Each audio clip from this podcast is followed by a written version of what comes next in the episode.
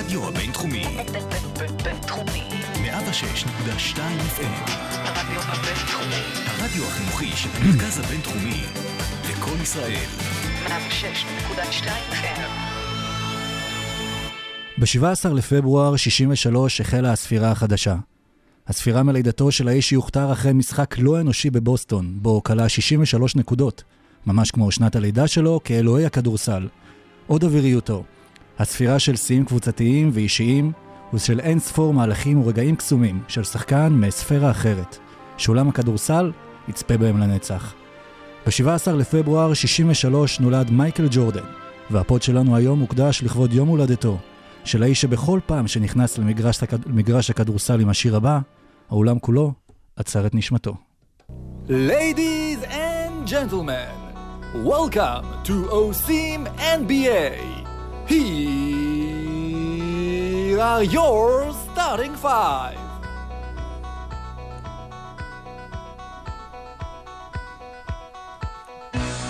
It's guard number 23 from North Carolina, 6'6, מייקל ג'ורדן. אז איך הוא צמח להיות מייקל ג'ורדן? מה היה הרגע הכי גדול בקריירה שלו? דשות מול קליבלנד או דשות מול יוטה? הפנים האמיתיות של מייקל ג'ורדן. וגם, האם שיקגו של היום הייתה מסיימת עונה 82-0 או עפה בסיבוב הראשון? כל זאת ועוד, אה, היום בפרק מספר 5 של אה, עושים NBA, פרק אה, מיוחד לכבוד יום הולדתו של אה, מייקל ג'ורדן. אה, סורוקה, בוא תציג לנו את, אה, את החברים באולפן. קודם כל עידן לוצקי, כן, זה אני. וכבוד ענק שלנו, האורחת הראשונה שלנו אה, בתולדות עושים NBA, אה, אימא רוחנית לכולנו, והג'קי מקמלן הישראלית. שליחת ידיעות אחרונות בארצות הברית, ציפי שמילוביץ', כבוד גדול לנו, ציפי, שלום. שלום, שלום, תודה רבה, כבוד כולו שלי. אז אה, כבוד אה, כולו שלנו, ו... באמת, אורחת ראשונה זה... אנחנו כן. נצטרך לתלות את התמונה פה, וכאילו, ולזכור את זה, וזה ילך איתנו לנצח. טוב, אז בואו נתחיל כבר ישר עם, אה, עם הפינה הראשונה שלנו.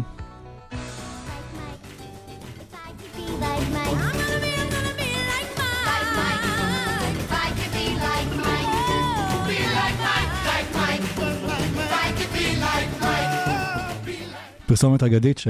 שכולם אה, אחר כך כאילו רצו להיות בעצם מייקל ג'ורדן. אז בואו נדבר על איך מייקל ג'ורדן הפך להיות מייקל ג'ורדן, הדבר הגדול הזה, ש... אה, שבואו נצטט את אובמה, בבינתחומי גם צריך לתת את הכללי ציטוט, א' אובמה, א' אה, ב' אובמה, איזה שנה זה היה? אובמה? ב', 2000 ומשהו. כן, האיש שאחר כך אמר שכל דבר אה, טוב שרוצים להגביל להיות הכי טוב בו זה להיות המייקל ג'ורדן של המשהו, ואנחנו נתחיל לדבר על באמת מה הפך את מייקל ג'ורדן להיות מייקל ג'ורדן. בחירה שלישית כמובן בדראפט של 84, ש... פציעה מוקדמת, אה, הרבה נקודות, הרבה הפסדים, ואז פיל ג'קסון. אני חושבת שהמיתוס התחיל עוד לפני פיל ג'קסון. אה, נוצר איזה משהו שבאמת התחיל במשחק ההוא בבוסטון, אבל אפילו קצת קודם, אנשים אה, ב- מגיל מסוים זוכרים את, אה, את, את אה, נבחרת ארצות הברית באולימפיאדת לוס אנג'לס. אני חושבת שלישראלים זו הייתה הפעם הראשונה, כיוון שהיה היה ערוץ אחד וראינו שידורים ישירים מהאולימפיאדה, אז סוף סוף ראינו את הבחורצ'יק הזה ששמענו עליו, ושבמקומות מסוימים בעיתונות הישראלית באותם ימים נקרא מיכאל ירדן, לא בצחוק אפילו. וזו הייתה הפעם הראשונה שבאמת זכינו לראות משהו, ואמרנו, אה, אוקיי. ועבורי, זה, זה התמונה הראשונה של מייקל ג'ורדן שצרובה בתודעה, היא באמת מהאולימפיאדה ההיא. ואז בא המשחק הזה בגרדן, ו- ו- ובאו כל מיני אה, אה, הפסדים שנשארו בזיכרון. אה, אה, עוברים סיבוב אחד בפלייאוף, ועדיין, כל מה שאתה זוכר, זו הייתה כליאה אחת שניצחה את המשחק החמישי בס- בסיבוב הראשון, והם עפו בשני. נוצר איזשהו מיתוס ש- של כמה שנים שחיכה לרגע שבו זה באמת התפרץ. וכשזה התפרץ זה כבר היה כמעט צפוי, היה כמו קורונה. כן, כן, פשוט, אני, אה, בשלב מסוים, אני, אני, אני זוכרת, זוכרת שהתחילו להישאל שאלות, השנה הייתה כבר 1991, הוא כבר לא היה כזה צעיר, האם המיתוס פה הוא קצת מופרך ומוקדם? ו- ולא, הוא לא היה מופרך ולא היה מוקדם. הגדיר את זה פיל ג'קסון כהם התחרו נגד שחקנים של דטרויט שהיו מומחים בהיאבקות אליגטורים בבוץ. אה, ובעצם הפילוסופיה של שיקגו הייתה קצת לרוץ יותר, למרות ששוב, גם בהשוואה לכדורסל של היום זה לא היה מרוץ, זה היה כמו המרוצים האלה של תינוקות שעושים בפסקי זמן, נותנים להם לרוץ. ואז הם אה, מסתובבים. לכיוון השני, ו... בדיוק, וזה לוקח את כל הפסק זמן, ועדיין אה, בן סימונס לא יזרוק שלושה אחר כך. אה, והדברים האלה, באמת, הסגנון של שיקגו היה קצת שונה. מה בעצם מביא אותם over the top? אני חושבת שהרגע שבו ג'ורדן בעצמו הבין שאפילו הוא לא יכול לבד, והוא פתח, הוא פתח קצת את הלב ל- ל- לאחרים. אז, אז הם בנו באמת סביבו את הצוות הנהדר הזה, אבל, אבל אם מייקל לא היה מחליט שהוא צריך את האנשים האלה איתו, הוא לא היה זוכה באליפויות, הוא הבין שהוא צריך אותם. ואז בא השינוי. היה שם כנראה באמת חיבור מיסטי עם פיל ג'קסון, משהו שם מסתדר. הצוות מסביב היה מושלם, כל אחד ישב באמת במקום הנכון, וביחד זה התחבר ל- ל- למשהו באמת יוצא דופן. גם הרבה מה- מהגדולה של מייקל זה באמת הסיפורים על זה שהוא גרם לאנשים להאמין שאפשר לעשות את הבלתי אפשרי, שאתה מסתכל על מייקל ואתה יודע שהולך הולך להיות פה משהו מיוחד כשזה משחק חשוב, וזה התחיל עוד הרבה לפני, אני בדיוק נולדתי בתקופה הזאת, כן, אבל אתם מאוד צעירים.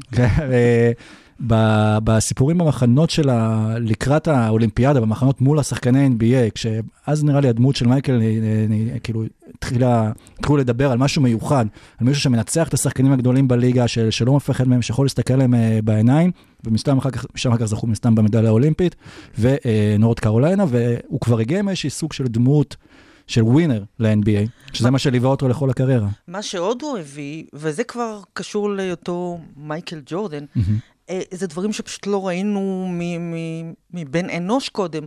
ראינו קצת מדוקטור ג'יי, אבל לא יותר. הוא, הוא הביא צורת כדורסל שלא ראינו קודם. אפילו הצורה שבה הוא מטביע, הוא, הוא היה ממריא באלכסון, יש לו דנקים אלכסוניים כאלה. מי ראה את זה קודם? והוא אה, היה הולך באוויר ויורד וחוזר ויורד ומתחת לסל ומעל. זה דברים שאף אחד לא ראה קודם. עוד דבר, אני חושבת שזו הייתה פעם ראשונה שעולם הכדורסל ראה אדם בגובה יחסית ממוצע, הוא לא היה בריון, הוא לא היה צ'מברלין, הוא לא היה קרים אבדול ג'אבר, שאי אפשר לעצור אותו. כלומר, הוא בסך הכל פחות משני מטר, איש רזה למדי, ועדיין אף אחד לא יכול לעצור אותו. אני חושבת שזה מה שהקסים במיוחד את האנשים. מה קורה כאן? איך זה יכול להיות? זה לא יצור אנושי. זה בדיוק מה שאמרנו, גם הגיע אחרי תקופה של אה, מג'יק ג'ונסון ו- ולארי ברד, שהיו אה, קצת שונים, והייתה את היריבות שלהם שקצת החזירה את ה-NBA לעניינים, אה, לגמרי. אה, וגם הטלוויזיה נכנסה והפרסומות, ואז בא מייקל עם, ה- עם החיוך שלו, שהוא החיוך הכי מוכר אה, כנראה כן. בעולם למשך אה, כל השנים. פשוט היה הדמות שה-NBA חיפשה, לא, מוצר מושלם. כן. מוצר מושלם. ונייק זיהו את הפוטנציאל ו- וידעו מה לעשות איתו כן. לאורך השנים. כולל הסיפור של הנעליים, שג'ורדן לבש נעליים שונות מאלה של כל הקבוצה וכל הליגה. אה, ואז באמת היה את החיבור עם אה, פיפן ואת הורס גרנט שהגיע, ואת אה, קרייג הודג'ס, שהיה אז בקדנציה הראשונה, בי.ג'י ארמסטרונג, ביל קארטרייט. ג'ון היה- פקסון. וואו. ג'ון אה, פקסון, אני זוכר ש... נכון, אני זוכר שבספרים אה, בזמנו אה, שיצאו באותה תקופה, אנשים שאלו איך שיקגו יכולה לקחת אליפות בלי סנטר. כי היה להם את לוק לונגלי ואת ביל קארטרייט ואת אה, ג'יימס אדוארדס בשלב מסוים וג'ון סלי וכל מיני שמות שכבר אז היו בני 80. כן. וזה... ו... אז מה בעצם הכדורסל שלהם היה שונה? וגם היום שואלים את זה, לא היה שם, דריל מורי. אני חושבת שלא היה שם שום שחקן שהתאים ל- לתבניות שאנחנו מכירים. מה זה דניס רודמן? מה זה? זה פורוורד? זה גארד? זה- מה זה בדיוק? אה, פקסון וסטיב קר, אה, הם פוינט גארדים? לא, הם, הם עומדים וקולעים. מה זה כל אחד? אני חושב שסקוטי פיפן, היה סוג של פורוורד שלא ממש ראינו, או לא, לפחות לא הרבה. משהו שם, בגלל שהקבוצה הזו לא נראתה כמו קבוצה שגרתית שאנחנו היינו רגילים אליה, זה היה חלק מהעניין. הם, אתה פשוט לא ידעת איך... כל עוד אה, זה היה רק ג'ורדן ואולי קצת פיפן, אז נגיד חבר'ה כמו דטרויט יכלו לתת שם מכות רצח ולעצור אותם. ברגע שנהיה שם סגל מאוד ארוך שאתה לא כל כך יודע איך להתמודד איתו, אה, אי אפשר היה לעצור אותם. לא, ציפי, הזכרת באמת שבהתחלה הוא לא הצליח לעבור יותר מדי סיבובים בפלייאוף, נכון. אבל עדיין התדמית שנשארה לנו שמייקל ג'ורדן זה הבלתי מנוצח של ה-6-0 ש- אה, באליפויות, בגמרים, של זה שפרש, חזר ולקח שוב אליפות. כאילו, שאי אפשר לקחת אליפות כל עוד מייקל ג'ורדן משחק אה, בליגה, וזה התדמית שנשארה לנו בראש. יש הרבה שחקנים שהמזל הרע בחיים שלהם היה שהם נאלצו לשחק עשר שנים מול מייקל ג'ורדן. מצ'ארלס ברקלי ועד פטריק יונג, אנשים שאין להם אליפויות כי הם שיחקו מול ג'ורדן. ולתוך- טיימינג, טיימינג. ולתוך זה נכנסה התקפת המשולש, שפיל ג'קסון סיפר ש, שג'ורדן אה, בז להתקפה הזאת, כי הוא הגדיר אותה כ-equal opportunity offense. התקפה של הזדמנות. שווה לכולם, הסוציאליזם. ש- שנועדה לבני תמותה לאנשים שאין להם את הכישורים שלו הוא גם אמר. שגם רפובליקנים צריכים לקנות אה, כן, נעליים. לזה אנחנו אה, עוד אה, נגיע בהמשך, כשנדבר על הפנים האמיתיות של מייקל כן. ג'ורדן. אבל התקפת המשולש היא גם קצת שינתה, שינתה מאוד בעצם את הדרך שבה אנשים הסתכלו על כדורסל. כן, כן, כי היא נראתה קצת כמו, כמו מהלך בפוטבול, משהו שאתה מתכנן מראש. ו- ולמרות שכולם ידעו שהוא בא, בשלב מסוים אתה מכיר את ההתקפה הזו, עדיין לא הצליחו לעצור את זה. כי כשזה מבוצע כמו שצריך, התקפה תמיד תנצח. התקפה טובה תמיד תנצח הגנה טובה. וכשזה מבוצע כמו שצריך, אי אפשר היה לעצור את זה. ואנשים שניהלו את ההתקפה הזאת, ג'ורדן פיפן ומי שעמד שם באמצע, אורס גרנט, או מי שזה לא היה, עשו את זה באופן מושלם, שוב ושוב ושוב ושוב. ו- ואני זוכרת שג'קסון אחר כך ניסה לעשות את זה בניקס, והוא ניסה לעשות את זה, וזה אף פעם לא הלך, כי אתה צריך את האנשים המתאימים לעשות דבר.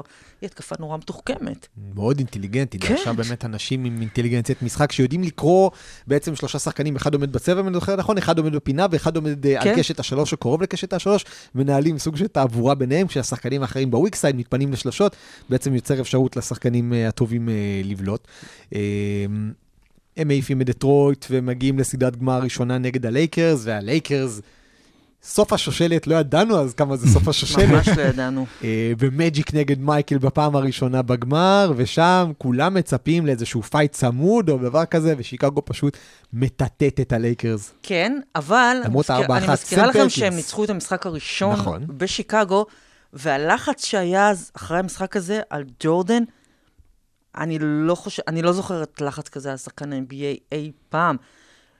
1-0 בשיקגו הם, סם פרקינס סם שלושה שם הקוסם הייתה בשנייה הכותרת האחרונה. בעיתון ביום לפני האחרון. בשני... כן, ואז הם חזרו וניצחו את המשחק השני, הוא קלע שם סל שעד היום נמצא בכל ההיילייטים. מהמם. עולה... עולה, יורד ו- וכולי, ואחר כך הם נסעו ללוס אנג'לס ו- ובאמת סגרו הכל, ו- ו- וזה באמת היה גם הסוף של, זה היה מין, מין העברת אה, לפיד, העברת דגל מאוד, אה, מאוד סמלית כזאת, אה, נגמר הלקר. אני חושב שהיתרון גם בלשחק עם מייקל ג'ורדן זה שאתה יודע שבחיים לא יהיו לך משחקי אגו בקבוצה. כי אין אה, ויכוח מי השחקן המוביל או מי ה alpha male בקבוצה, זה ברור שזה מייקל ג'ורדן.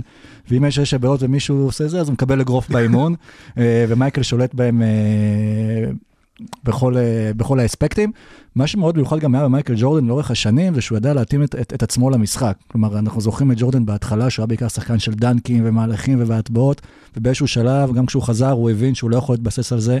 גם הגוף אה, מתבגר, והתחיל, אה, והאתלטיות לא אותו דבר, והתחיל בעצם לעשות את הפיידאווי המפורסם מהם מבחוץ, וכל פעם הוא ידע להיות כמה שיותר טוב וכמה שיותר רלוונטי בדברים ש, שהוא רוצה. ומה שהוא החליט להיות בו טוב באותו משחק או באותה עונה, אז הוא פשוט היה בו הכי טוב. אם הוא החליט להיות שחקן הגנה של השנה, אם הוא החליט שהיום הוא חוטף עשרה כדורים, הוא החליט שהיום על השחקן הזה הוא קולע 50 נקודות, כי מישהו... מישהו עצבן אותו. כן, לפני מישהו. עצבן אותו יכול להיות, המוכר קפה בקפיטריה בכניסה לאולם, אז ג'ורדן עשה פשוט מה שהוא רוצה אה, על המגרש הכדורסל, ומפה אנחנו ממשיכים הלאה לרבע הבא.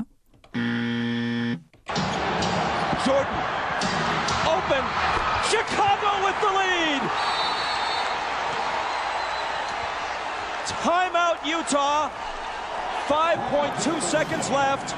Michael Jordan running on fumes with 45 points. זה הפעם הראשונה שהבאזר בא לפני הווינר שוט. זה- זה הפעם הראשונה שווזר בא לפני סל של ג'ורדן.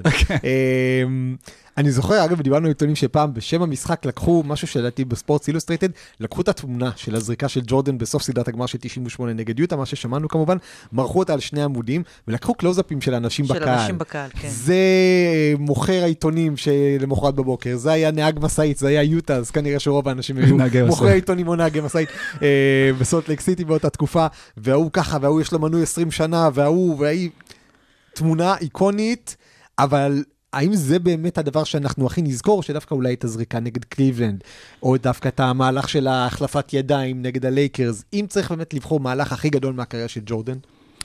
את צריך לעשות הפרדה, אנחנו בוחרים את הסל הכי וירטואוזי, או אנחנו בוחרים את הסל הכי חשוב. אני חושבת שאנשים נצרב להם בראש סל הניצחון נגד קליבלנד, אבל אין בכלל ספק שהסל הזה נגד יוטה, עם הדחיפה הקלה של ראסל, חצי אופנסיב, אה, שהוא סל אליפות. אין ספק שזה הסל הכי חשוב שהוא כלה אי פעם. הבעיה עם מייקל ג'ורדן זה שהוא כלה כל כך הרבה סלי ניצחון, וכל כך הרבה סלים שנשארים לך בזיכרון רק בגלל הווירטואוזיות של... היה לו, היה לו, היה לו סל במשחק נגד אה, ניו ג'רזי נטס, של דרזן פטרוביץ. משחק ליגה, לא חשוב בשום צורה. הוא, זה הסל הכי יפה שראיתי ממייקל ג'ורדן אי פעם, וזה כלום. הוא, הוא העיף את דרזן לצד אחד, ואת ארבעת השחקנים האחרים של הנץ הוא פשוט עבר באוויר. ימינה, שמאלה, ימינה, שמאלה. יש, אה, רואים ב, בצילום הוידאו, רואים את הספסל של הנץ פשוט נמרח בהלם מוחלט, זה היה מתחת לסל שלהם. זה הסל הכי יפה, ש... והוא סתם סל לא חשוב, במשחק ליגה לא חשוב.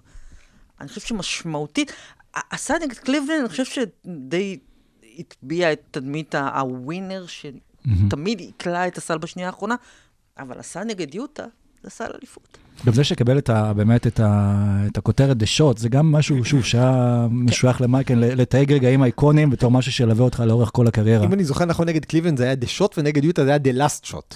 אה, שאחר כך גם היו עוד shot, שאף אחד לא זוכר, וכולם מוחקים מהזיכרון את הזריקות אחר כך שהיו לו נגד יוטה.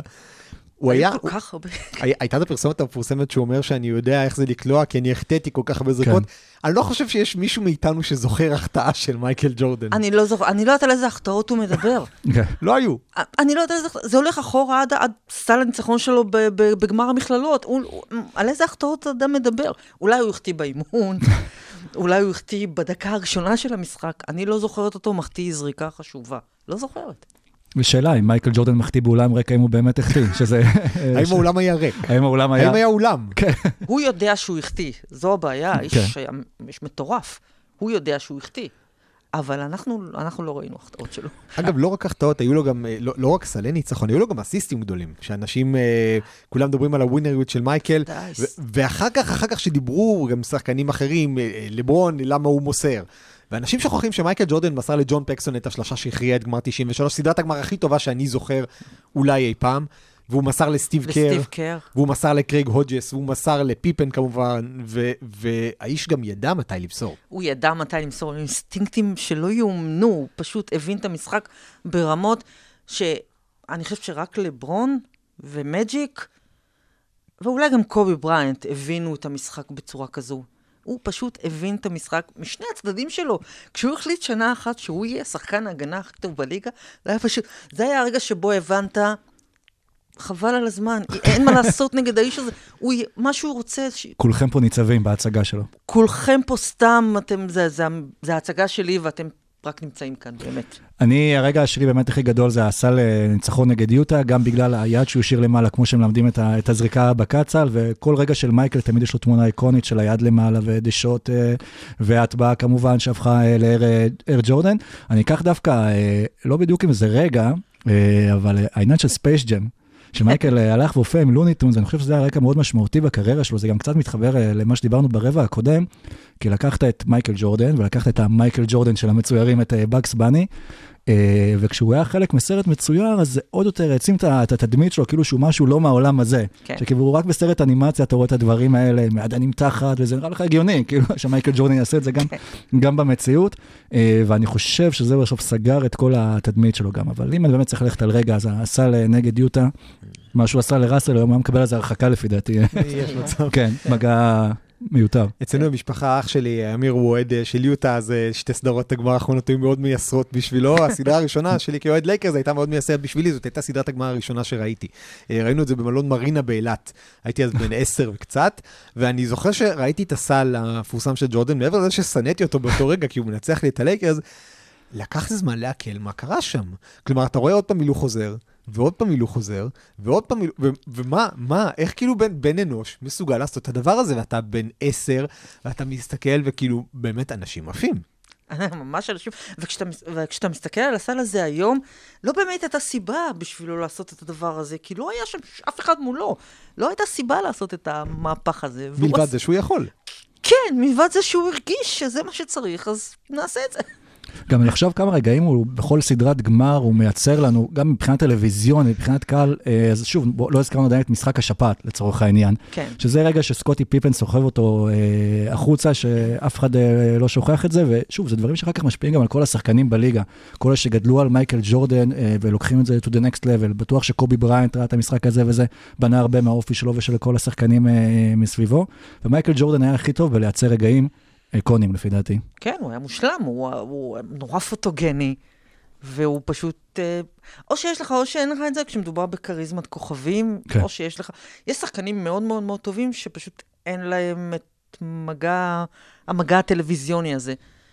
ולמייקל היה את זה מהשנייה הראשונה.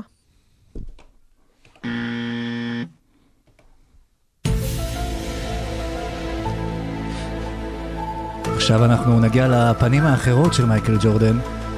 מייקל ג'ורדן אה, היה שחקן כדורסל מצוין, כמו שדיברנו בשני הרבעים הקודמים, אבל מייקל ג'ורדן היה אישיות מורכבת. אה, היה את הספר המפורסם, אה, ג'ורדן רולס, שבהן בין היתר סופר איך הוא אמר לחברים שלו, אני כאן בכלא עוד חמש שנים, אני אסמן את זה על קווים, כמו עם קווים על הלוח. הליגה משתמשת בי, המועדון הזה משתמש בי, הוא שנא את הבעלים של הקבוצה, הוא, הוא רדה בחברים שלו לקבוצה, אה, ואיכשהו כשמדברים על ג'ורדן ועל ההילה שלו, אז הדברים האלה הפחות נעימים, אה, פחות מדברים, ואני תמיד תוהה לעצמי, אם מייקל ג'ורדן היה קורה היום, האם הדברים האלה היו עדיין מחליקים אותם, או שזה היה אחרת? אני לא יודעת אם מייקל ג'ורדן היה קורה היום. אני לא יודעת אם, אם, אם האווירה היום הייתה מאפשרת לו להתנהל ככה. לפעמים אנחנו שומעים סיפורים על, על לברון ג'יימס, שהוא... בעיניי הוא, הוא, הוא נפלא, אבל הוא לא תמיד נחמד בחדר הלבשה, והוא רודה בשחקנים בדרכו שלו וכולי וכולי. אני לא יודעת אם מייקל ג'ורדן יכול היה היום אה, לתת סטירה לסטיב קר, אני לא בטוחה שזה משהו שהיה עובר. ווג'ו היה מדווח את זה תוך ארבע שניות, כן. פחות או יותר לפני שזה קרה, ואז... אה, בדיוק, כן, בדיוק. אני לא חושב שזה משהו, שזה תרבות שהייתה, שהייתה עוברת היום. מצד שני, אין לנו, אין לנו מקבילות למייקל ג'ורדן בכלל בספורט. אז אנחנו לא יודעים מה היה מקובל גם היום, כשיש לך מישהו כזה, וכולם נמצאים שם בשבילו, ובתמורה הם זוכים בשש אליפויות. ג'ק מקלום סיפר ב- שב-85, או משהו כזה, בעונת הרוקי, הוא היה במסיבה בבית של ג'ורדן, ואז אה, אה, חואניטה, אשתו, אה, לעתיד, שעוד לא הייתה אשתו, אה, ירדה עם הילד הקטן, ג'פרי ג'ורדן, וג'ורדן התחיל לדבר עם כל העיתונים שהיו שם על חיתולים, ועל איך זה להחליף, ועל איך זה להיות אבא טרי, ואז נגיע אליהם אה, איש יחסי הציבור של שיקגו בולס, ואומר, מייקל מצפה ממך שלא תכתוב שיש לו תינוק. והוא אומר לו, ראינו עכשיו את התינוק, הוא קיים, דיברנו על איך זה להחליף לו חיתולים, וה- והאיש יחסי ציבור אומר לו, "אמ, אבל כל העיתונים שהיו כאן יודעים את זה כמוך, ואף אחד מהם לא הולך לכתוב את זה. ומקלום הלך וכתב את זה בעיתון בשיקגו, ואז הוא אומר, חצי שיקגו ירדה עליי למה אני כתבתי את זה, וחצי משיקגו ירדה עליי למה כתבתי את זה כל כך קטן. הליגה היה לה מאוד חשוב שמייקל ג'ורדין יצליח עד כדי כך שהנרטיב סביבו לא נתן, תקני אותי אם אני טועה, כי את באמת סיקרת, לא נתן לדברים אחרים להיכנס פנימה. לא, שום דבר. שום דבר. גם הדברים המאוד מפוקפקים שהוא היה מעורב בהם, הימורים, ובאמת דברים שהוא עשה מחוץ למגרש, שאני חושבת, שעד היום אנחנו לא יודעים לגמרי, אנחנו למשל לא, לא לגמרי יודעים למה רצחו את אבא שלו, למשל. היה משהו מאוד אפלולי מסביב למייקל ג'ורדן. אבל אני שוב חושבת, הקטע הזה עם התינוק, זה, זה כל כך מצחיק כשמשווים את זה למה שראינו היום. לדוויין וייד הולך וגאה בזה שהילד שלו הוא טרנסג'נדר. תחשוב על, מייקל הסתיר תינוק. ודוויין וייד הלך לאלן דה ג'נרס ואמר, הילד שלי הוא ילדה. זה עניין של תקופות, אני חושבת שחלק מה... מייקל היה בשנות ה-80, זה עולם אחר לגמרי. זה, הוא היה, בשביל אמריקה, לא במקרה הוא היה במקביל ל- ל- לביל קוסבי.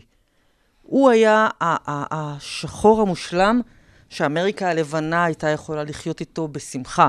היא אהבה אותו, היא אהבה את קוסבי. כמה שנים קודם היא אהבה את או.ג'יי סימפסון. אלה, אלה היו האנשים. שניים משלושה, לא שניים אותו. משלושה עשו דברים, אבל, אבל זו הייתה התקופה, וזו הייתה תקופה של אה, אה, אנוכיות וגרידיות. זה מצטרף לזה שמייקל היה מאוד מאוד מאוד זהיר כשמדובר בפוליטיקה, מעורבויות חברתיות, דברים כאלה. אני באמצע, כולם אוהבים אותי, אני לא מתעסק בזה. זה לא היה קורה היום, אני חושבת. אה, אה, אם תדבר עם אה, אנשים שחורים בארצות הברית, שכמובן מייקל הוא אלוהים, הם כולם יגידו לך שהם לא שוכחים לו את העובדה שהוא לא אמר שום דבר כשמדובר בדבר, בעניינים חברתיים. היום הוא כבר אומר טיפה יותר, גם סתם כבעלים, אבל אה, צריך, לה, אני, אני תמיד נותנת לו טיפה קרדיט, כי צריך לקחת את הדברים בקונטקסט של תקופה. כן, שנות ה-90 המאושרות, זה באמת הייתה התפר לפני שנכנס כל העולם הדיגיטלי וכל הרשתות החברתיות. גם נכון. אפשר לראות את קובי בריינט שהגיע אחר כך, וכמובן את מקרה האונס, איך שהוא יצא החוצה לתקשורת. אה, משפט האונס, כן. משפט האונס. אה, שוב, זה דברים שיכול להיות, אני לא רוצה להגיד שהיו מעלימים אז, אבל אה, זה לא היה, אולי מגיע לאותה תודעה, או NBA יודעים אולי איך לפתור את זה. עכשיו לברון ג'יימס מתנהל ברשתות החברתיות, אני בטוח שאם ג'ורדן היה בתקופה הזו, היה מוצמד לו גם איזשהו יחצן, שאומר לו איזה תדמית לבנות ברשתות, מתי לצאת שם, מתי, uh, מתי לעלות סטורים, מתי לעלות פוסטים וכדומה. והעובדה שג'ורדן באמת היה... לא כל מה שהוא עשה הגיע לכולם, אז מאוד עזרה לו לבנות את התדמית הזאת, כמו שסיפרת את המקרה של התינוק, שהוא יכל לשלוט בעצם במידע שיוצא החוצה, ולא היה אנשים מסביבים שלכל אחד יש לו מצלמה ויכול לתפוס אותו אה, אה, ברגעים אה, מביכים. זה נכון לגבי כולם. זה פשוט היה עולם של לפני אינטרנט ומעט מאוד ערוצי טלוויזיה. ותקשורת שברובה הייתה מאוד uh, זהירה ונזהרה ולא סיפרה כלום. השאלה אם בגלל זה אנחנו אולי מפסידים, שוב במרכאות, כוכבים של התקופה הזאת, שלא מצליחים להתמודד עם התקשורת הזו, ואולי זה כוכבים שהם היו באים 20 שנים קודם, בשנות ה-90, היינו היום מדברים עליהם בצורה אחרת. יש מישהו שאתה מרגיש שאנחנו הפסדנו אותו בגלל שהוא נורא חשוף היום? אני לא חושבת. אני חושב שאם קובי בריינט היה גדל בתקופה של מייקל ג'ורדן, יכול להיות שקובי בריינט היה מייקל ג'ורדן. יכול לדוגמה. להיות. יכול להיות שהסיפור הזה, אנחנו לא, כמו שדיברת על אבא שלו. ג'ורדן פרש באמצע החיים לשנה וחצי. כן. איזה ספורטאי היום היה ספורטאי ברמה של ג'ורדן? את רואה את קריסטיאנו רונלדו, או ליאו מסי, או מייקל פלפס, או יוסיין בולט, או, או כל שחקן אחר, פורש באמצע החיים לשנה וחצי, ואף אחד לא שואל שאלות? רק רון ארטסט, אבל הוא חזר עם שם אחר, אז הבנת שמשהו שם לא אוקיי. בסדר. כן. או, שהוא, או, שהוא, או שהוא מחליט באמצע הזה שהוא הולך לשחק בייסבול. בייסבול, ב minor אני- leagues. אני הולך לשחק בייסבול. אלה דברים שכנראה לא יכולים, לא היו יכולים לקרות היום, אבל באמת, אה, את- את- כל זה אתה תמיד רואה בקונטקסט של, של התקופה. אם אנחנו מדברים על משפט האונס של קובי בריינט, אם זה היה קורה לו בשנים האחרונות בקריירה, הוא לא היה חוזר מזה. לא, זה כבר לא. אז היה קל מאוד לקבור את זה. ממש היה קל לקבור את זה, עורכי הדין שלו עשו... היום זה כבר לא היה קורה. אז כל הדברים האלה באמת תמיד צריכים להישפט בקונ... בקונטקסט של תקופה. כולם זוכרים את, ה... את ה... כמה מיליוני דולרים שהוא שילם למתלוננת ואת הטבעת הגדולה שהוא קנה לוונסה. אנשים לא זוכרים שמייקל ג'ורדן נתן לאשתו, אם אני זוכר נכון, 168 מיליון דולר בהסכם גירושין או משהו כזה. כן. כי זה כן. סכום הרבה יותר קטן. ומייקל יכול- גם, הפסיד מיליונים בהימורים, הוא היה פשוט נעלם ללילות שלמים, נוסע לאטלנטיק סיטי, חוזר ואף אחד לא יודע, לא יודע מה הוא היה עושה שם. יכול להיות שזה גם בגלל שאז אנשים ידעו את מקומם, כלומר, לא היה לך נשיא שהוא בדרן, ובדרן שרוצה להיות נשיא. כן. הספורטאים היו אז, יכול להיות באיזושהי חלקה קטנה מגודרת, אתם מספקים לנו את הבידור, את הלחם ושעשועים, אה, אם לוקחים את זה בהגזמה, אבל אתם לא צריכים להביע, אנחנו לא מצפים מכם בעצם להביע דעות בעניינים פוליטיים. יכול להיות שזה מה שהיה אז? יכול להיות, למרות ש... היה את מוחמד עלי והיה את כל בדיוק, הסיפור הזה, למרות שאנשים לפני ג'ורדן אה, הביעו דעות. ממוחמד עלי ועד ביל ראסל. אבל הם שילמו על זה. חלק שילמו וחלק לא. אבל זה חלק מהעניין, אתה מגיע למעמד מסוים, יש לך מחויבויות לחברה. זה נכון שבאמת היו תקופות שבהן, אוקיי, תבדרו אותנו, לא אכפת לי מה אתה עושה אחרי המשחק. התפקיד שלך הוא לבדר. ו... ויש כאלה שלקחו את זה ורצו עם זה קדימה. או.ג'יי סימפסון, כשהיו שואלים אותו, למה אתה לא אומר שום דבר? אז הוא אומר, אני, אני לא שחור, אני או.ג'יי. ו... זה באמת אה, אה, אה, לגמרי, לגמרי בקונטקסט התקופה, בטח בשנים האלה, שנות ה-80 שבהם מייקל עלה. דוגמה מצחיקה לתקופה של היום זה שהרבה מהחבר'ה הצעירים מכירים את אה, ג'ורדן או מהמותג אייר ג'ורדן, או שהרבה מהם נחשפו אליו בפעם הראשונה אה, בזכות המים של הקריין ג'ורדן, שהרבה פשוט לא ידעו מי זה, ו- וזה הופץ, והוא גם כאילו העיר על זה נראה לי באיזשהו שלב, שהוא לא אוהב ש- שככה אה, אה, מציגים אותו. אה, וזה אולי מה שהתכוונתי גם קודם, מבחינת הסכנה של איך אתה יכול להשפיע על קריירה של מישהו בגלל הדברים של הרשתות, לאו דווקא דברים שיוצאים החוצה. נגיד בן סימונס. יכולים לרוץ עליו עכשיו מלא מימים על השלשות שלו, ולרוץ, ומישהו יערוך עכשיו ביוטיוב איזשהו איילייט שלו זורק, כאילו לא קולע לשלוש, שלא זורק, ואתה יכול לקבור איזשהו רפיוטיישן של שחקן בגלל דברים כאלה. ובגלל שלא היה את כל הטכנולוגיה, ולא כל אחד יכל להוציא את מה שהוא, אה, מה שהוא רוצה, אז אה, זה מה שעזר לו, בוא נגיד. כן, יכול להיות, זה, זו התקופה. ו- ואם מדברים על דברים שאנשים שוכחים, מייקל ג'ורדן היה עודו מנהל היום ונורא בשרלוט. אה, הקבוצה שלו לא מתרוממת לשום מקום כבר הרבה שנים. הוא אבל- ממש גרוע. אבל גם בשנים שלו בוושינגטון, שהוא עוד חזר לשחק והוא שימש דה פקטו כסוג של מנהל, הוא לקח את קוואמי בראון, בחירה ראשונה בדראפט, והשפיל אותו עד עפר, עד שהבן אדם, לקח לו שנים לשקם את הקריירה, וגם אז, במקרה הטוב, הוא היה סנטר של 10 נקודות למשחק בקבוצות חלשות של הלייקרס. ו- והאיש הזה, כשהוא היה בוושינגטון, הוא הכריח אותם לעשות טריידים של ווין נאו, והם הביאו את ג'רי סטאקהאוז, אה, שנחשב בתקופה מסוימת למייקל ג'ורדן הבא, וויתרו על שחקן כמו ריפ המילטון, שכעבור כמה שנים ייקח. אליפות עם דטרויט. כלומר, גם הדבר הזה נשכח מהמורשת של ג'ורדן. כי חושב- המורשת שלו היא מייקל ג'ורדן השחקן, לא היה ולא יהיה. אני חושב שהעניין של קוואמי זה סוג של אה, קרמה, להחזיר לו על בחירת דראפט אה, גרועה, בגלל אה, כל מה שקרה איתו ועם סם בוי, שהוביל אותו לשיקגו אחר כך בהמשך. ואנחנו ממשיכים מפה לרבע הבא. אומרים שהיה פה שמח לפני שנולדתי והכל היה פשוט נפלא עד שהגעתי מייקל ג'ורדן שיחק בעידן שבו הכדורסל ב-NBA היה לפעמים פשוט קשה לצפייה. בערך אחרי שהוא פרש, או תוך כדי התקופה שהוא, קצת אחרי שהוא פרש, ביטלו את ה hand checking, את האפשרות לשים יד על מגן, ההתקפות התחילו לזרום, אבל בתקופה ההיא ההתקפות כלו, היו 90 בערך התקפות למשחק, לעומת משהו כמו 100 היום, או 80 ומשהו התקפות למשחק, והכדורסל היה די מכוער. מה שמעלה את השאלה, אם מייקל ג'ורדן היה משחק היום, האם אה, בלי ה hand checking ו- וכשהמשחק כל כך נוטה לשחקני אה, כנף, האם ג'ורדן היה שחקן של 40 נקודות למשחק, או ששיקגו שלו לא הייתה מצליחה להסתדר עם שחקנים כמו גרנט או, או רודמן, שחקנים שלא יודעים לקלוע שלושות, או שחיים רק מתחת לסלים, ואז גארדים אחרים היו פשוט אוכלים אותם בסוויצ'ים, כמו שעושים אה, גולדן סטייט, ו- ושיקגו לא הייתה שיקגו שלהם? אני לא מקבלת את זה, אני חושבת ששיקגו של אז הייתה גם היום מועמדת לגיטימית לאליפות, אין בכלל ספק. כי בוא, בוא נהיה כנים, רוב הכדורסל שאנחנו רואים היום הוא קצת משחק וידאו, הוא קצת משחק מחשב. חבר'ה עומדים מחוץ, ל... עומדים על קו החצי וזורקים שלשות. סליחה שאני קוטע אותך, היה השבוע איזושהי תמונה שרצה גם כן ברשתות החברתיות של דרמונד גרין. אה, אה, ראיתם לפני המשחק של גולדן סטייט, נגד הלגרס, הם עמדו עם החולצות האלה לזכרו של קובי, ואנשים לא הצליחו להבין אה, גם האיכות של התמונה, אם זו תמונה שלקחו אותה מתוך 2K, מתוך המשחק, או שזה משחק אמיתי, וזה היה ממש ויכוח שלם, כמו עם השמלה עם הכחולה או, ה- או הלבנה. שאני... כן, רוב מה שאנחנו רואים היום, אתה בעצמך, אמרת מקודם שהגמר של 93 הוא אחת הסדרות כן. הטובות שראית בחיים? בזכות ריצ'י דומאס, כמובן. ב- בוודאי. וצ'ארלס ברקלי. רק בזכות ריצ'י, קודם כל ריצ'י. אבל ה- ה-NBA של אז, יש משהו באופי של השחקנים ששיחקו אז. אני חושב ששיקגו בולס, כמו, ש, כמו שההגנה שהם שיחקו בשיאם, הייתה הורגת את כל הקבוצות היום, כולל את גולדן סטייט בשיאה. אני לא יודעת אם הם היו לוקחים שש אליפויות, כנראה שלא, אבל הם היו קונטנדר, בלי ספק. אני, אני ממש... אני כל הזמן שומעת את זה, שיקגו של פעם לא הייתה מצליחה היום בליגה, אני לא מקבלת את זה בכלל. רק מי שלא ראה את הבולס יכול להגיד שהקבוצה הזו לא הייתה קונטנדר היום. אין דבר כזה. מייקל ג'ורדן בשיאו תמיד היה מועמד לאליפות, ב-80, ב-90 וב-2050. כן.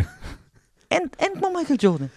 אני חושב ששיקגו הייתה צריכה לעשות משהו קצת אחר, כלומר, אני, אני כן רואה, אני חושב שהיו להם, שמה שאנשים לא מעריכים שם, שהיו להם, אם את מסתכלת, אם אני מסתכל איך החמישייה הגדולה, ש- איך שיקגו הגדולה של 96-8 הייתה משחקת היום, היו משחקים פחות או יותר עם סטיב קר, עם ג'ורדן, עם פיפן, קוקוט שהיה סוג של חמש, היה יכול לשחק סוג של חמש, והיו שמים עוד איזשהו שחקן שקולע שלשות, לא זוכר מי היו שם על הספסל, אה, ג'אד ביוטשר היה מתחת מדי, אבל היו להם שם כמה שחקני ספסל טובים, שהיו שמים משהו כזה, והיו משחקים small ball והורגים קבוצות בהגנה, אה, שהיום אני חושב שהשחקן היחיד שמתקרב לרמת ההגנה שראינו משיקגו של היום זה, זה קוואי לנארד אולי בשיאו, בדיוק. ו... ושיקגו באמת יכול להיות שהייתה חונקת קבוצות בהגנה וגם מצליחה לשחק ball. אני הם בטוח- היו, עושים, הם היו עושים התאמות, הם היו לוקחים שחקנים, הם היו עושים טריידים, הם לא היו. נשארים עם אותה קבוצה, אבל הבסיס עצמו, שיקגו בולס של שש האליפויות, היא תמיד, תמיד, תמיד הייתה ותהיה קונטנדר, אין בכלל ספק. זה השחקנים, וזה סוג השחקנים, כמו שדיברנו קודם, וה-IQ של השחקנים שהיו והאופי יודעים. שלהם. בטוח שג'ורדן היה גם אה, זורק יותר שלשות, היה מתאים את עצמו אה, למשחק עכשיו, ואפשר גם, שוב, לקחת אולי אה, עשור אחורה, לנסות איכשהו להתאים, לקחת את הקבוצה של פיל ג'קסון בלייקרס, שכביכול גם שיחקה את התקפת אה, המשולש, והיה את קובי, כביכול על המשבצת של אה, מייקל ג'ורדן, וראינו אה, כמה תארים זה הביא להם בסופו של דבר. כמובן לא היה את שקיל, אבל כל אחד עם, ה, עם התפקיד שלו. שוב, כל תקופה, אני דווקא הפוך, אני לא חושב ששחקנים של היום, אם היית שם אותם בניינטיז, אם היינו שמים אותם בניינטיז, שהם יהיו מתאימים. בדיוק. יותר- הרבה יותר- מאוד מהם לא היו... לא יותר יותר לא קשה להתרגל. לפיזיות. נגשר אה, לפתח איזה אה, שיטת משחק או אלמנט חדש של היום, המשחק. היום העובדה ששורקים פאול על כל נגיעה, אני יכולה להבין למה כשאנחנו רואים לפעמים את צ'ארלס ברקלי באולפן של כן. קנטי, הוא, הרנטים. לא, הוא, הוא, הוא, מת- הוא, הוא משתגע מזה, והרבה פעמים בצדק. שחקו כדורסל, אז יהיו קצת מכות. לא. ג'יימס הרדן אומרים היום ש- אה, שהוא הסקורר הכי קטלני שהיה אי פעם, אני חושב שאנשים באמת לא זוכרים כמה ג'ורדן, אבל אני חושב שמה שקרה היום שטווח הקליעה התרחב כל כך, ש, שבעצם אנשים מייחסים גם את זה להיות אה, סקורר קטלני יותר, אבל שוכחים שג'ורדן, כמו שאת אמרת, היה מסוגל לעשות סל מאיפה שהוא רוצה, מתי שהוא רוצה, בעיקר כשחשוב. אני רוצה לראות את ג'יימס הרדן עושה את הדברים האלה מול אה, ביל למביר וג'ו דומאס. אני, באמת, מול ההגנה ההיא של דטרויט. אני רוצה לראות את ג'יימס הרדן עושה את מה שהוא עושה היום. אף אחד לא שומר עליו היום. הם מנסים, אבל כל פעם שהוא מתרומם לשלוש, הוא עושה ככה ושורקים פאול. ויש שריקה. ויש שריקה, הוא זז טיפה אחורה ושורקים, הוא זז ימינה, שורקים. כמובן שזה גם מעבר בסוף ליכולות של השחקן, כי גם ג'יימס הרדן בסוף כמה finals הוא הגיע לעומת מייקל ג'ורדן, זה ב- בשלב הרגעים שזה באמת חשוב, אם אתה מופיע על המשחק או לא, ואני לא זוכר פעם שמייקל ג'ורדן לא הופיע על המשחק, גם מבחינת התקפה, גם מבחינת הגנה, שוב זוכרים את החטיפה אה, לקארל מלון אה, לפני הסל הגדול שלו, שם ג'ורדן היה all over the place, משהו שאי אפשר להגיד על ג'יימס גם, מבחינת ההגנה שלו. הוא גם אף פעם לא לקח מנוחה, אני חושב שג'ורדן, גם כשהיה אתה- חולה. אם אתה מדבר איתו על load management, הוא, היה- הוא ייתן לך מכות. כן. הוא אף פעם לא לקח מנוחה, ואת כל הדברים האלה, אגב, קובי לקח ממנו ממש אחד לאחד.